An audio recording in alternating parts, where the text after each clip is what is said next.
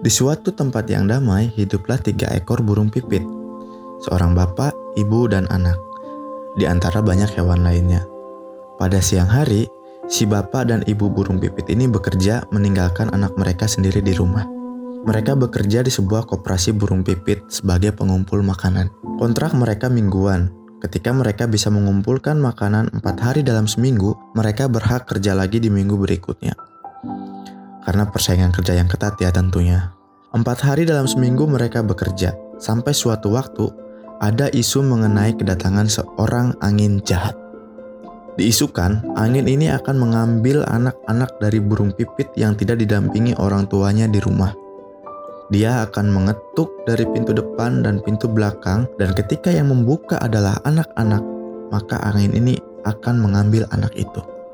Namun, jika yang membuka orang tua, maka dia akan pergi begitu saja.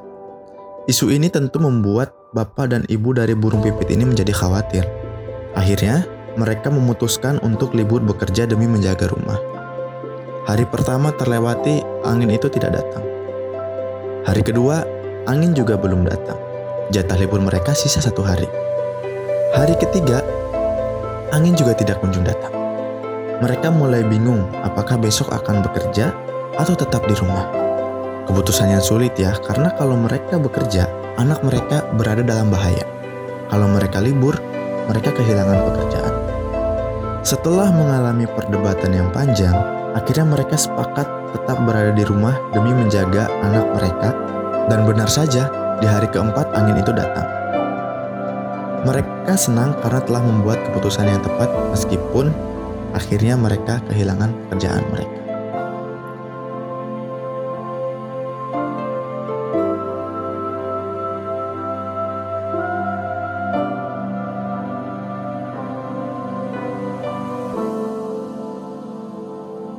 Halo semua, selamat datang di channel podcast BSK Bincang Sore Keluarga. Kembali lagi nih bersama kita, Toto dan Tifa. Halo Kak Toto.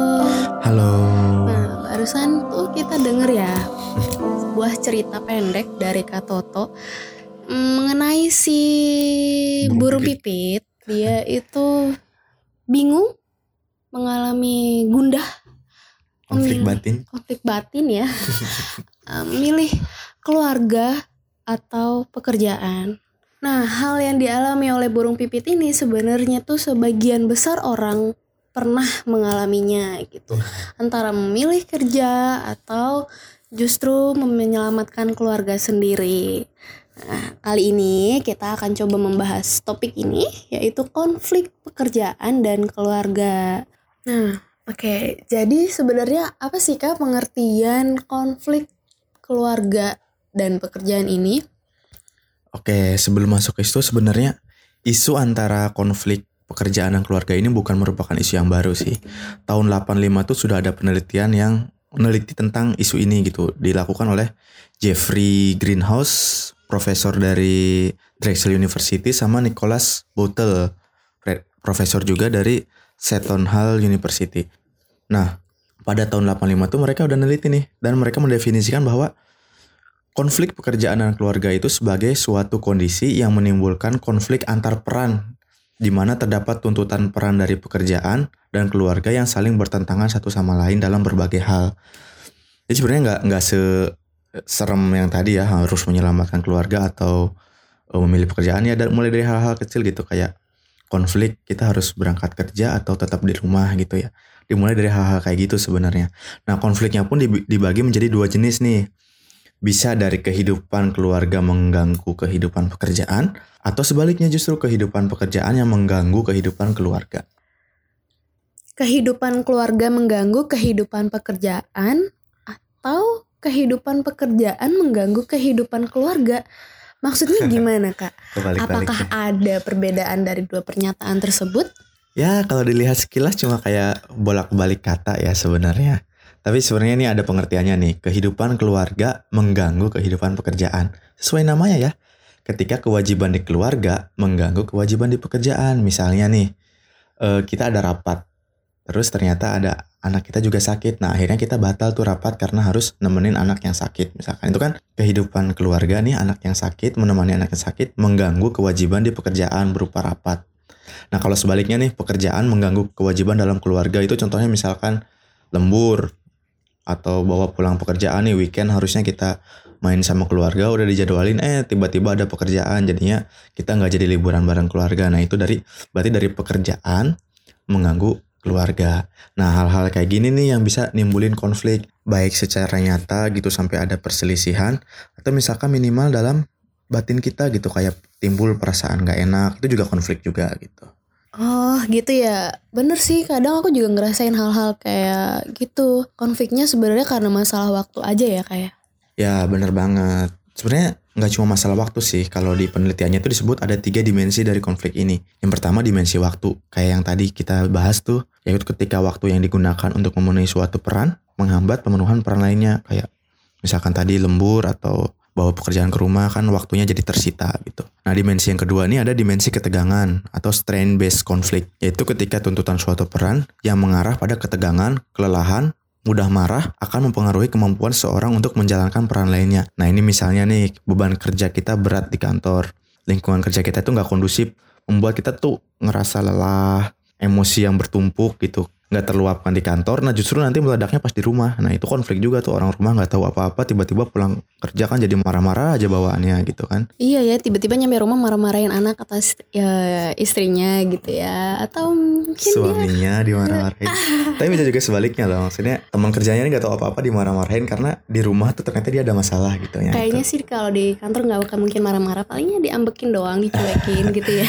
Ya gitu. Oke, nah itu dimensi yang kedua. Dimensi yang Hmm. terakhir ini dimensi perilaku behavior based conflict nah yang diartikan ketika tuntutan perilaku di suatu peran bertentangan dengan harapan berperilaku di peran lainnya ini biasanya dengan pertumbuhan karir ya, yang membuat seorang tidak bisa memenuhi kewajiban keluarganya, dikarenakan tambahan tanggung jawab di tempat ia bekerja.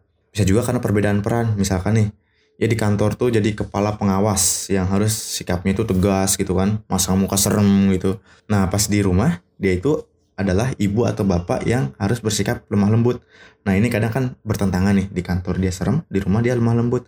Nah kadang dia ka- suka sulit membedakan Ketuker akhirnya ya karakternya ketuker karakternya jadinya akhirnya muncul juga konflik di situ gitu.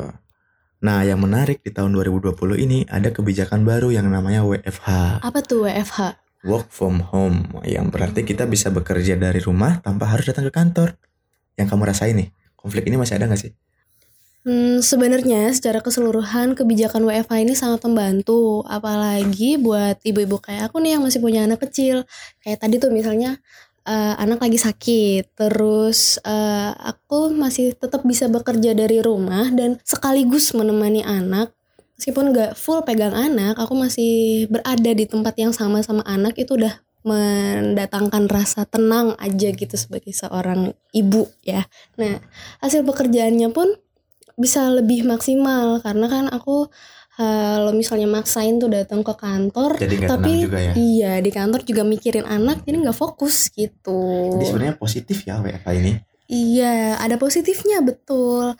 Karena mungkin kantor aku itu karena basisnya output dan lebih fleksibel aja sih. Asal semua pekerjaan beres terus itu gak ada masalah sebenarnya walaupun kadang merasa nggak enak tuh kalau misalnya pekerjaan butuh cepet responnya Deadline ya.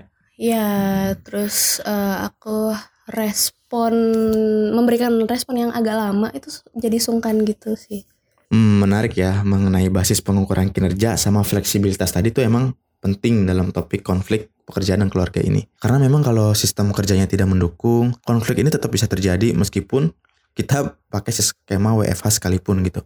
Misalkan nih aturannya kaku, wajib nyalain kamera atau standby depan komputer selama jam kerja dari jam 7 sampai jam 5 sore. Atau kar- mungkin karena dia WFH ya udah kita tambahin beban kerjanya jadi nggak masuk akal gitu. Misalkan bisa jadi kerjanya jadi 20 jam sehari ya tetap ada konflik sih kalau menurutku kayak gitu.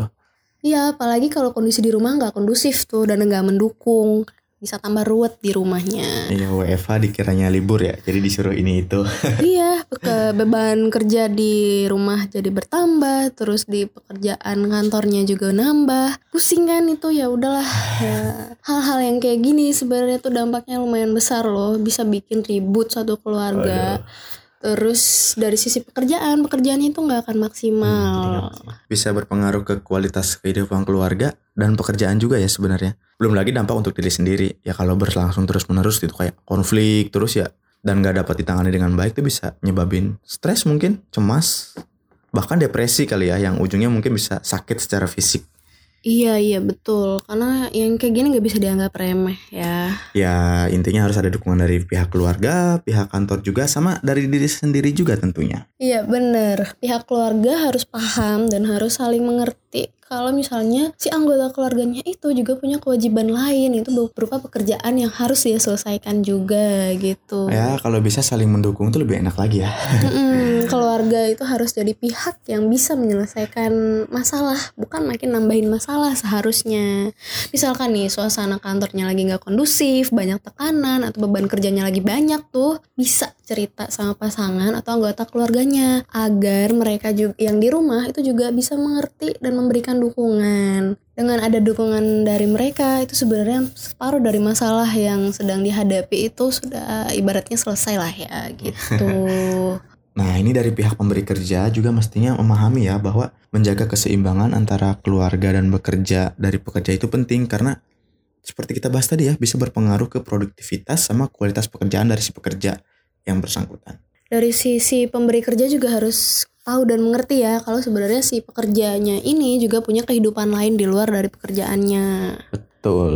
Nah, caranya bisa beragam sih kayak yang udah kita bahas tadi masalah sistem pengukuran kinerja yang baik misalkan berbasis hasil terus juga waktu yang fleksibel tadi ya sepertinya lebih nyaman bagi karyawan dibanding dengan yang saklek atau yang diawasi ketat. Pengaturan beban kerja yang sesuai juga penting. Terus juga ada kantor-kantor yang udah ngasih benefit ke pegawainya seperti layanan daycare nih buat pekerja yang memiliki bayi sehingga selama ia bekerja ada pihak yang mengurus sementara bayinya dan itu dekat dengan dia gitu di kantor. Jadi bisa bekerja dengan lebih tenang dan pas istirahat bisa ketemu dengan anaknya. Dapat juga menawarkan layanan perawatan orang tua nih bagi yang single misalkan namun atau yang udah berkeluarga juga namun orang tuanya udah lansia dan takut ditinggal sendirian di rumah saat ia kerja uh, itu bisa tuh di sementara dari kantor tuh menawarkan layanan perawatan bagi orang tua itu. Terus kemudian memberikan cuti kepada karyawannya supaya mereka punya waktu berlibur bersama keluarga itu juga penting. Bahkan ada beberapa kantor yang suka mengadakan acara gathering gitu antar pegawai dengan camping atau nginep di mana gitu dan mengajak anggota keluarganya ke situ gitu. Ada juga perusahaan yang mengadakan family days di mana keluarga dari pegawai diajak datang ke kantor untuk menyaksikan apa yang pegawai mereka kerjakan atau apa yang anggota keluarga mereka tuh kerjakan sebenarnya sehari-hari. Ini penting ya untuk membangun bonding antara pegawai dengan keluarganya ataupun dengan pekerjaannya gitu. Wah enak ya kalau tempat kerjanya sampai begitu memperhatikan pekerjanya. Ya minimal kalaupun tidak bisa memberikan benefit tadi, tapi hal pokok kayak penilaian kinerja, pengaturan beban kerja, waktu kerja yang fleksibel terlebih di masa COVID-19 ini, sama cuti buat pekerja ini harusnya bisa dipikirkan dan diberikan secara memadai sih oleh tempat kerja. Nah ini untuk mengu bisa mengurangi konflik antara keluarga dan pekerjaan yang imbasnya ke produktivitas sama uh, kualitas pekerjaan tadi kan. Karena memang saat ini tuh pekerja kurang tepat lah rasanya kalau kita dianggap sebagai biaya atau kos gitu kan bagi unit kerja. Pekerja ini lebih baik, lebih tepat dipandang sebagai aset sih dari unit kerja tersebut. Jadi harus benar-benar ditangani dengan baik. Mantap. Selanjutnya dari diri sendiri mungkin terkait dengan manajemen stres pribadi ya. Ya betul, terkait dengan bagaimana kita menangani permasalahan termasuk bagaimana menghibur diri nih setelah lelah bekerja dan melaksanakan kewajiban dalam keluarga. Diain waktu lah untuk diri sendiri kayak me time misalnya. Ya bisa dengan me time, pengembangan diri, atau bahkan melaksanakan hobi kali ya. Jangan sampai lupa nih sama hobi. Kayak masak mungkin, olahraga, main games. Main games ya? Ya, ataupun menonton dan hobi lainnya. Kalau dulu sebelum adanya covid nih kita dapat pergi liburan kan ke suatu tempat gitu atau nonton di bioskop atau makan di restoran favorit ya intinya Izinkan jiwa dan pikiran kita itu beristirahat sejenak dari hiruk pikuk pekerjaan dan kewajiban dalam keluarga biar bisa lebih fresh lah gitu ibaratnya. Betul sekali kak. Kombinasi berarti ya kak. Dari pengertian keluarga, yep. tempat kerja, dan relaksasi diri dapat membantu kita mengurangi dampak, dampak atau iya. bahkan mengatasi adanya konflik antara keluarga dan pekerjaan. Iya, betul. Nah, ada quotes lagi nggak kak? Uh, ada nih aku kemarin nemu dari Hittersak itu yang intinya terjemahnya itu gini. Kamu tidak akan pernah merasa puas terhadap pekerjaan kamu sampai kamu merasakan kepuasan dalam hidup kamu. Wih, bagus sekali quotes-nya kakak. Intinya harus seimbang ya antara kehidupan dan pekerjaan kita. Oke, mungkin cukup sekian ya perbincangan kita dalam bincang sore keluarga kali ini. Tidak lupa kami ingin mengingatkan untuk tetap menjaga kesehatan dan menjalankan protokol kesehatan seperti sering mencuci tangan, menggunakan masker, menjaga jarak, serta sebisa mungkin itu untuk menghindari kerumunan saat pandemi COVID seperti seperti sekarang ini. Semoga kita bisa sehat dan sukses selalu. Terima kasih kepada semua pendengar yang telah meluangkan waktunya untuk mendengarkan obrolan kita. Kami mohon maaf jika ada kata-kata yang kurang berkenan. Sampai jumpa lagi di episode Bincang